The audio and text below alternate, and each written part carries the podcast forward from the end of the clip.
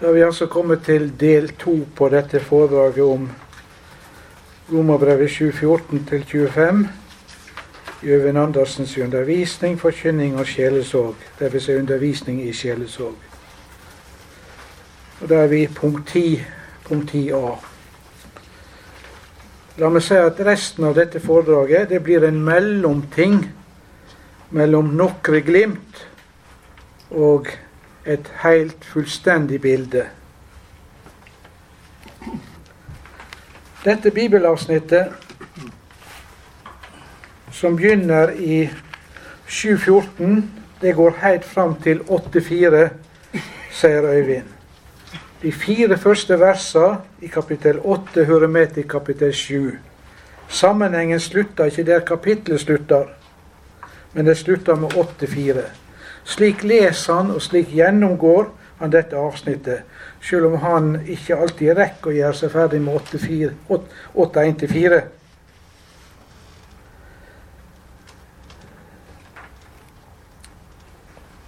De har fått et hjelpeark der. Vi får først to parallelle avsnitt, sier Øyvind, skriftlig og munnlig. Vers 14 til 17, vers 18 til 20 og vers 21 23 trekker slutninga av det som er sagt i vers 14 20. Og så kommer nødropet i vers 24 og svaret i vers 25. Dette er, en, dette er jo en vanlig måte å, å, å, blant bibelforskere å bruke ei sånn inndeling. I disse tre avsnittene så kommer egentlig de samme tankene igjen. Vi kan gjerne si i forsterka form og med variasjoner og presiseringer gjennom disse tre avsnittene. Og Vers 25 er da konklusjonen på hele avsnittet. Punkt 10a. Simul justus et peccator, samtidig, rettferdig og synder. Det er to naturer i en kristen. Det gamle mennesket, det nye mennesket. Øyvind legger alltid stor vekt på vers 14. For vi veit at lova er åndelig. Guds heilage lov krever hele hjertet, hele personen. Lova kan bare oppfylles med et syndfritt og fullkomment hjerte, som er slik som Gud sjøl er. Lova kan bare oppfylles med et sinn som stemmer overeins med lova. Jeg derimot er kjøtlegg, altså i meg sjøl, etter min natur, og selv til trell under synda. Eller litt kortere selv under synda. Det gjelder, sier Øyvind, min medfødte natur, slik min natur er blitt etter syndefallet. Kjødet blir aldri godt, blir aldri godtatt av Gud selv om det kan være både pent og religiøst. Nå er det to måter å lese dette eh, siste delen av vers 14 på. Det sier ikke Øyvind noe om. Det kan jeg eventuelt ta i samtalen. Dette som apostelen skriver her, sier Øyvind videre, kan ingen andre si enn de som er født av Gud. Og det legger han stor vekt på. Det er noe som han gjentar hele tida når han gjennomgår. Og la meg eh, bare skyte det inn. Vi er jo vant til å høre at når han utlegger en bibeltekst, så går han gjennom vers for vers, ord for ord. Det gjør han aldri når han går gjennom dette avsnittet. Da begynner han med vers 14, og så slutter han med vers 25. Og så viser han til enkelte ting i teksten, men da går han aldri nøye inn på alt mulig. Jeg kommer litt mer inn på det. Om vi et lite øyeblikk nå sammenligner med Luther, så er det jo han vi må måle han opp mot, lite grann iallfall. Så er for Luther utsegna 'Jeg er kjøtleg' i vers 14 et bevis på, et tegn på, at her taler et åndelig menneske. Altså et menneske som er født på ny. For det er merket på et åndelig og vist menneske, sier Luther, Han veit at han er kjøtleg og forgår seg. Han hater seg sjøl og priser Guds lov for at den er god. Og det samme sier altså Øyvind med litt andre ord.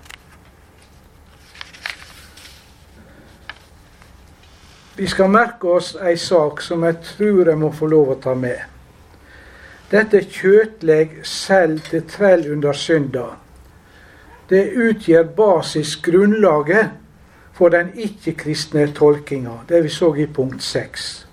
Og Nå kan du se litt tilbake til punkt 6a. Kymmels avhandling fra 1929. Rømer sieben und die Bekehrung des Paulus.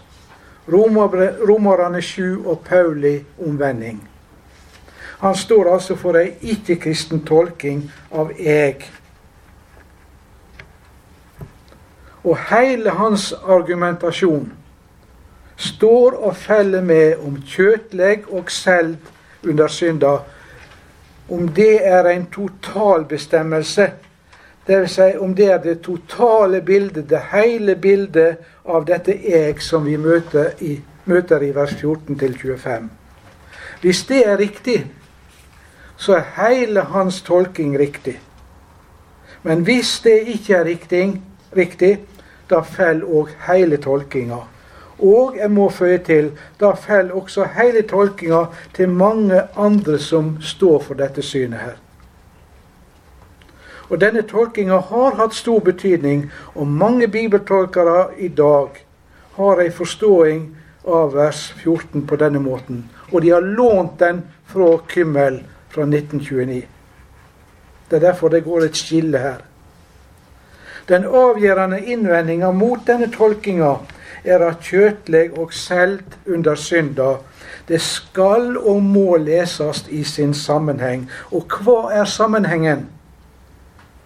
Paulus forklarer nemlig i vers 15-17 og i det som kommer videre, hva som er meint med 'eg derimot er kjøtleg, selv under synda'. Og det er det Øyvind Andersen nettopp gjør. Han kunne jo store deler av romerbrevet utenat på gresk. Jeg har hørt noen ganger han siterer stor, lange avsnitt på gresk. Så han levde i det. Og det er nettopp det Øyvind Andersen gjør, ja, alltid gjør når han går gjennom dette avsnittet. Når han er ferdig med vers 14, så viser han til flere vers som kommer, uten at han da gjennomgår alt like grundig. For det gjør han ikke. Jeg skjønner ikke det jeg gjør, for det som jeg vil, det gjør jeg ikke. Men det som jeg hater, det gjør jeg. Vers 15. Altså, jeg forstår meg ikke på meg sjøl. Jeg vil jeg gjøre det gode, og så gjør jeg ikke det som jeg vil. Men gjør jeg det som jeg ikke vil, står det videre i vers 16, da holder jeg med lova i at hun er god. Det kan jo høres underlig ut, sier Øyvind, å skrive slikt om kristne mennesker og til kristne mennesker. Og lenger nede i vers 22, for etter mitt indre menneske sier jeg med glede ja til Guds lov. Og i siste del av vers 18 sier apostelen, for viljen har jeg, men å gjøre det gode makter jeg ikke. Det kan bare den sie som er født av Gud, sier han. Og videre Nå kunne det for ei overfladisk betraktning se ut som det ikke skulle være mulig for en kristen å unngå å synde. Og det apostelen vil si, er faktisk Det er ikke mulig for oss kristne å unngå det. Det er ikke mulig å unngå at synda bryter ut. At vi opplever at etter kjøtet kan vi ikke annet enn å tjene synder. Like sikkert som det gamle mennesket er i funksjon, like sikkert tjener vi synder. Vi går videre til 10b.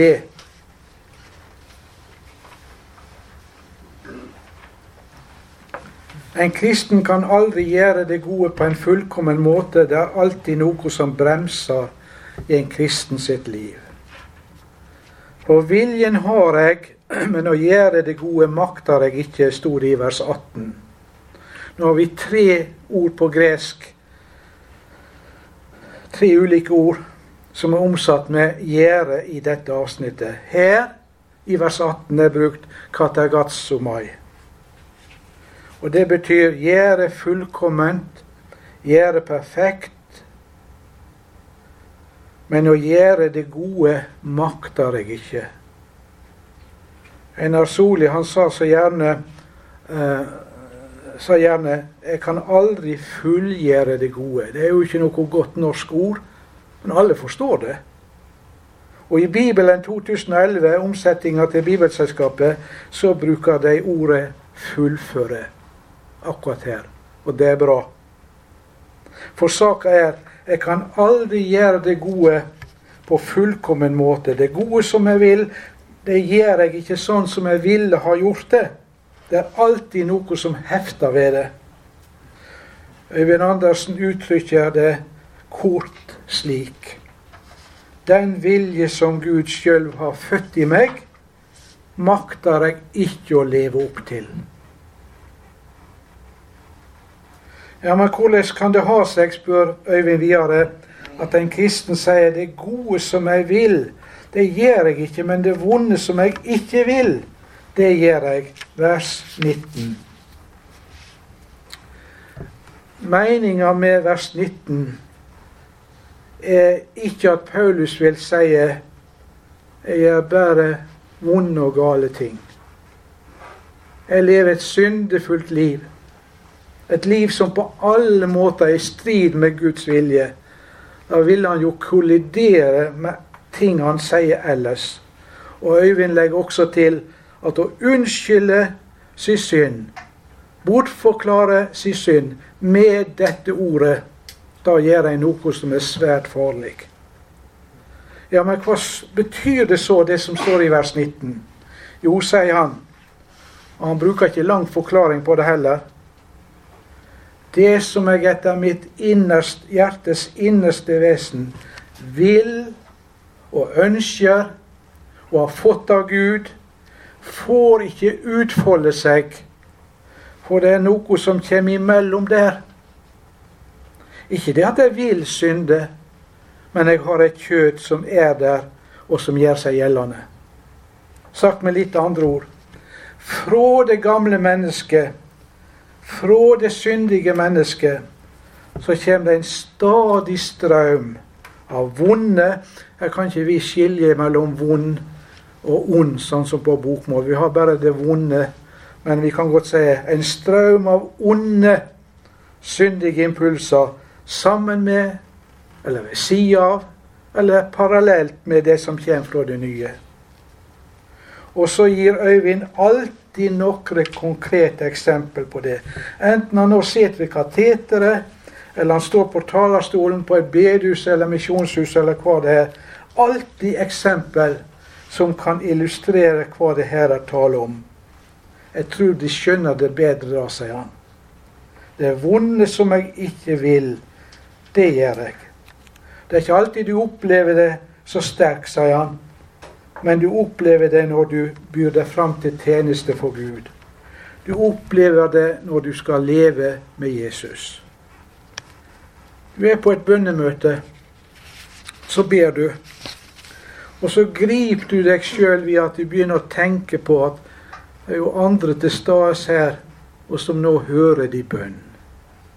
Du begynner å be til Gud, og så veit du ikke ordet av før du tenker på å be godt at det skal lyde godt og fint for de som, de andre som hører på.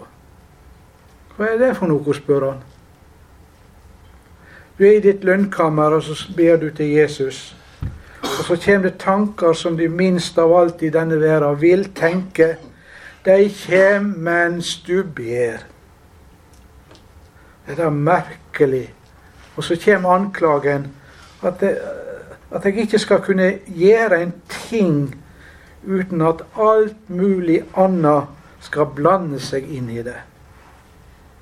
Du vil Dette vil du ikke, sier han. Dette er ikke noe du ønsker. Her er noe som kommer inn, og som du med sanning kan si det om, som apostelen gjør i vers 19, at det jeg ikke vil, det gjør jeg. På samme måten du skal si noe om Jesus. Enten du er på et vitnemøte, eller du er forkynner og prest, og står fram og skal forkynne Guds ord. Uansett situasjon eller hvem du er. Du skal vitne om Jesus, og så griper du deg sjøl i at nå har du lyst til å tale godt. Nå har du lyst til å preike godt. Nå vil du at andre skal synes om deg at nå taler du godt. Har de merka det? Spør Øyvind studentene sine. Og hermed er spørsmålet sendt videre. Ja, de har det, svarer han sjøl. Her har jeg trang til å vitne om Jesus. Og så skal ikke jeg kunne vitne om Jesus uten at jeg er æresjuk og full av all slags som ikke skulle være der. Lyst til å hevde seg sjøl, lyst til å være stor, og mye annet. Hva er det for noe? Det er gamle Adam, han er der. Han vil ha sitt. Og Her bruker jo Einar Soli en veldig god illustrasjon. Jeg skal ikke nevne det. Ja, han vil ha sitt. Men da er det ikke lenger jeg, men da er det synda, det gamle mennesket, som er der. Og som Einar Soli så ofte sa, med utgangspunkt i Romerbrevet 6, der det står at vi er korsfesta med Kristus. Ja, det gamle mennesket er prinsipielt lagt i grav, men i praksis irriterende oppegående og snakkesalig. Her kunne jeg også ha sitert fra Kingo. Han har jo fine vers, men det skal ikke jeg gjøre. Det er Øyvind som har første forkjørsrett i kveld. De tre siste punktene tar en og samler under ett. Ti ser kristenlivet er i stadig brytning mellom det gamle og nye mennesket. Hvem skal råde? Ti det. vi skal være ved godt mot midt i spenninga mellom Justus og Pekator. Ti er 7.14-25, som da blir ei sammenfatning, ei oppsummering. Så kommer som en konklusjon så langt i vers 20. Og det gjentar første del av vers 16, pluss det gjentar vers 17. Men gjør jeg det som jeg ikke vil, da er ikke lenger jeg. Og det skal det leses med betoning. Jeg ser det på det arket de fikk nå, at det er fire steder jeg må leses med betoning når du leser dette høyt. Og det går fram av grunnteksten.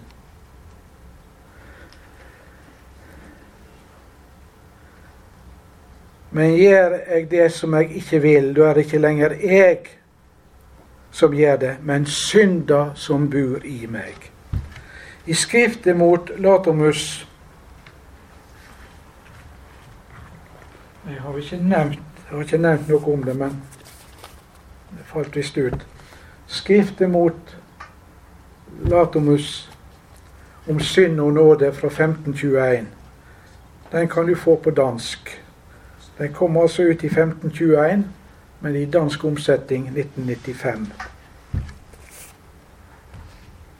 Det er vel ingen steder han behandler dette simul justus et peccator så grundig som det. I skriftet mot Latomus legger Luther stor vekt på dette skillet, denne nyansen, her i vers 17. Det er ikke synda som er vår identitet lenger, men Kristus. Synda er en ond gjest. Fordi Jesus er vårt liv, og jeg står rettferdig for Gud i Han, sier Luther, så er synda ikke. Annet enn en gjest. En gjest vi vel å merke ikke skal vise gjestevennskap, men jage ut. Så langt Luther. Når apostelen taler slik i vers 17, 19 og 20, så betyr det ikke at apostelen sier det er ikke mitt ansvar. Øyvind bruker litt forskjellige uttrykk om dette her, men vi kan gjerne samle det i dette. Han, altså apostelen, identifiserer seg primært med det nye. Han er en truende, han lever i samfunn med Jesus.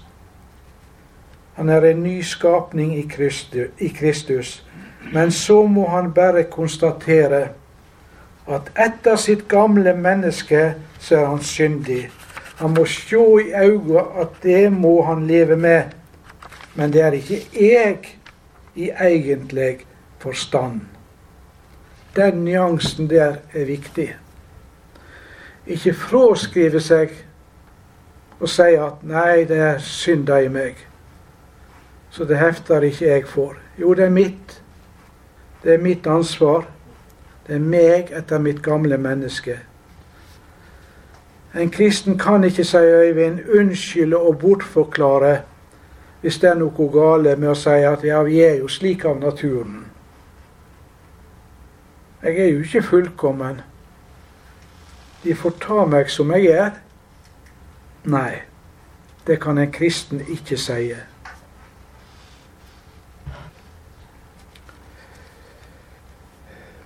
Da er det ikke lenger jeg som gjør det, men synda som bor i meg. Å gjøre slike erfaringer, og dette som jeg nå sier, det sier han av og til litt lenger nede i forbindelse med vers 22 til 24. Men jeg tar det nå. Å gjøre slike erfaringer som vi taler om her, betyr på ingen måte at da er en en syndetrell. Og dette legger Øyvind stor vekt på å si igjen og igjen er det ikke tale om kristne mennesker som ligger under for synd.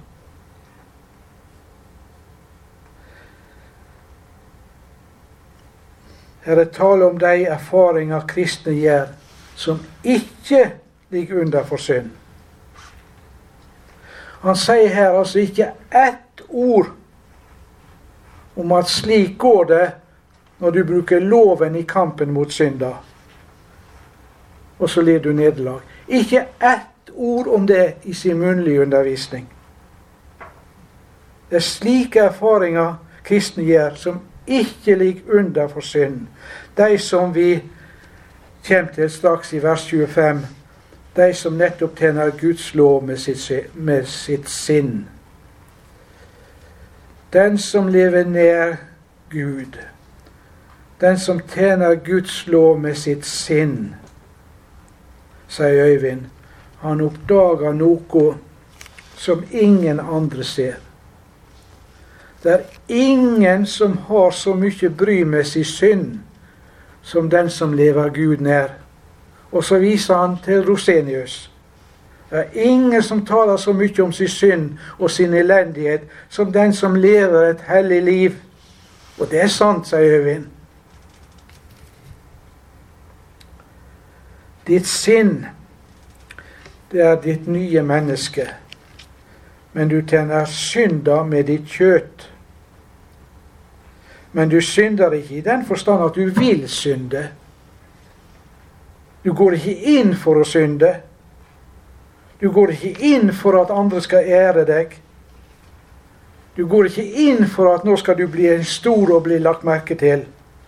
Nei, hvis du går inn for sånne ting, så vil du ikke merke så mye av den kampen det her er tale om, sier han. Det du går inn for, det er å tjene Guds lov med ditt sinn. Men det vonde, det ligger meg for handa, står det i slutten av vers 21. Det ligger meg for handa, for det har vi i oss sjøl. Så nær ligger det. Finner altså den lova for meg, jeg som vil gjøre det gode, at det vonde ligger meg for handa. Men i lemmene mine ser jeg en anna lov, vers 23. Den strir mot lova i mitt sinn, og den tar meg til fange under syndelova som er i lemmene mine. Det er to naturer i en kristen, og så blir det kamp, splid. Og, sier Øyvind, og det legger han også veldig vekt på, Så lenge jeg er her i verden, kan jeg ikke gjøre meg fri fra synda og det gamle mennesket. Hvor jeg snur og vender meg hen, så følger det gamle mennesket med meg som sin egen skugge. Og så forteller han gjerne om han De kjenner vel han som skulle flytte fra nissen, sier han. Og så er de kommer vel av gårde. Og så er det en som dukker opp. Jeg tenker vi flytter i dag i lag, vi to. Eller han kan sitere Wilhelm Beck. Kingo-verset, dette vesle uh, Kingo-verset, har jeg ikke hørt han sitere. Men jeg tar ikke det med nå. Og der ligger en stor fare for oss. Hvis jeg skulle regne med at dette skulle ikke være hos meg som er en kristen, så vil jeg snart avspore. Enten måtte jeg fortvile, eller så vil jeg havne i vranglære. I alle tilfeller vil det gå galt. Jeg må regne med kjensgjerningene som de er. Og bare å vite det, at slik er vi, at vi har to naturer, er til stor hjelp i denne striden. Jeg elendige menneske, hvem skal fri meg fra denne dødens lekam, spør apostelen i vers 24. Og selv om Øyvind har forkjørsretten, så må jeg ta med litt av det Ludvig Hope sier i sin bok 'Det gjorde Gud', 1940.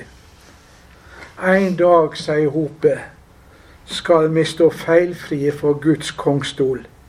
Ingen av de som er der, skal rope 'Eg arme menneske', hvem skal fri meg fra denne dødens lekam? Og så sier Hope Dette er et av de djupeste åndelige rop på jorda. Et rop som en aldri hører fra andre enn de som er kommet lengst i helliggjøring helliggjøres, altså. Det er den situasjonen vi står oppe i som kristne, sier Øyvind. Og vi har en hard strid.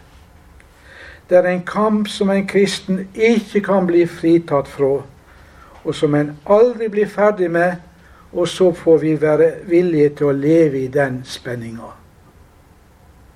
Du hører nå forskjellen på det som er skriftlig siterte fra bibelverket og grunnsannheter, og det som nå kommer. Hva er da helliggjørelsen, kan en spørre. Hvem av disse to, det gamle og det nye mennesket, hvem av disse to er det som skal styre og bestemme i livet mitt? Striden i kristenlivet handler om det helt grunnleggende og enkle. Hvem av disse to er det som skal ha det avgjørende ordet i livet mitt? Øyvind Andersen formulerer det også slik Det gamle mennesket kan ikke bli helliggjort. Men vi skal bli helliggjort. Og det skjer ved det nye mennesket, som er Jesus i oss. Den hellige ande i vårt hjerte. Dersom vi vandrer i anden, kjem ikke det gamle mennesket til å nå sitt mål med oss. Hva er det så Paulus gjør på slutten av Romerbrevet 7? Nå skal jeg snart slutte. Konklusjonen kommer i vers 25. Og Her sammenfatter han hele situasjonen han har skildra i vers 14 til 24. Gud være takk ved Jesus Kristus, vår Herre.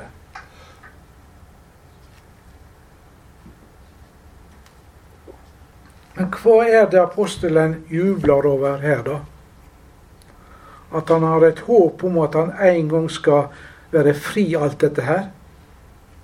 Ja, det sier han, sier han andre steder, men ikke her. Vers 25 er det andre sammen med vers 14 som Øyvind legger så stor vekt på i undervisning og forkynning når han taler over dette bibelavsnittet. Apostelen sier, så tjener jeg da på den ene sida Guds lov med mitt sinn. Jeg er i tjeneste, fullt ut i tjeneste med det nye. Og så siterer jeg direkte fra uttrykk, ord og uttrykk Øyvind bruker. Mitt sinn, det er mitt egentlige jeg. Det er min djupeste vilje. Det er min innerste trang. Det er mitt innerste vesen. Med det tjener jeg Guds lov. Og det er det egentlige. Det er det reelle. Det er det faktiske, altså. Og så tjener jeg altså på den andre sida synda med mitt kjøtt. Det kan jeg ikke unngå. Kjøttet, det gamle mennesket, kjem ikke lenger enn til det. Og så legger Øyvind til Tjener du Guds lov med ditt sinn, så får det gamle mennesket ikke overhånd over deg tross alt. Det får ikke den avgjørende innflytelsen over deg. Men det blir ei plage og en elendighet en spør seg når skal jeg bli kvitt dette her, da? For med det gamle mennesket kan vi, for med det gamle mennesket kan vi ikke tjene Gud.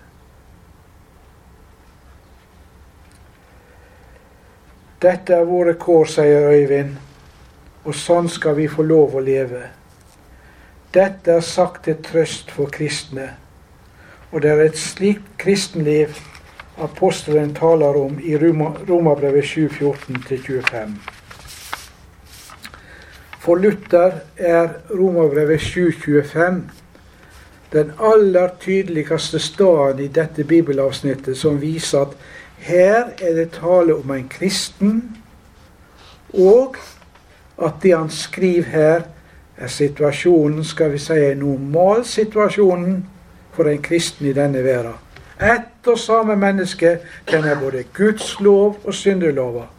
Han er samtidig rettferdig 100% i Kristus, en synder 100% i seg sjøl, etter sin egen medfødte syndige natur. Hele mennesket, én og samme person, står i dette dobbelte tjenesteforholdet.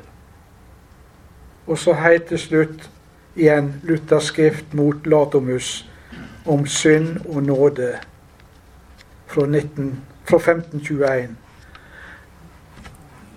Denne boka på ca. 200 sider er blitt karakterisert som et sjelesørgerisk vitnesbyrd om hva det vil si å leve med sin synd under nåden. Og Det samme vil jeg si om Øyvind Andersens undervisning og forkynning når det gjelder Romerbrevet 7.14-25.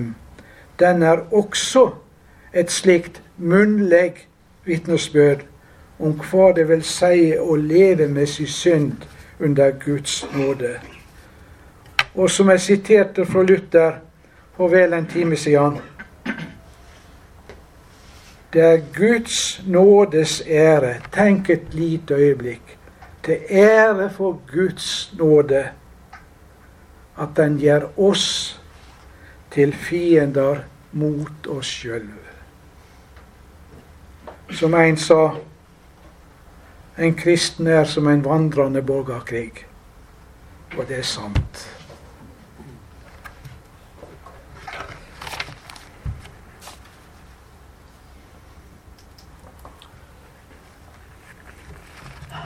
Takk for at du hørte på.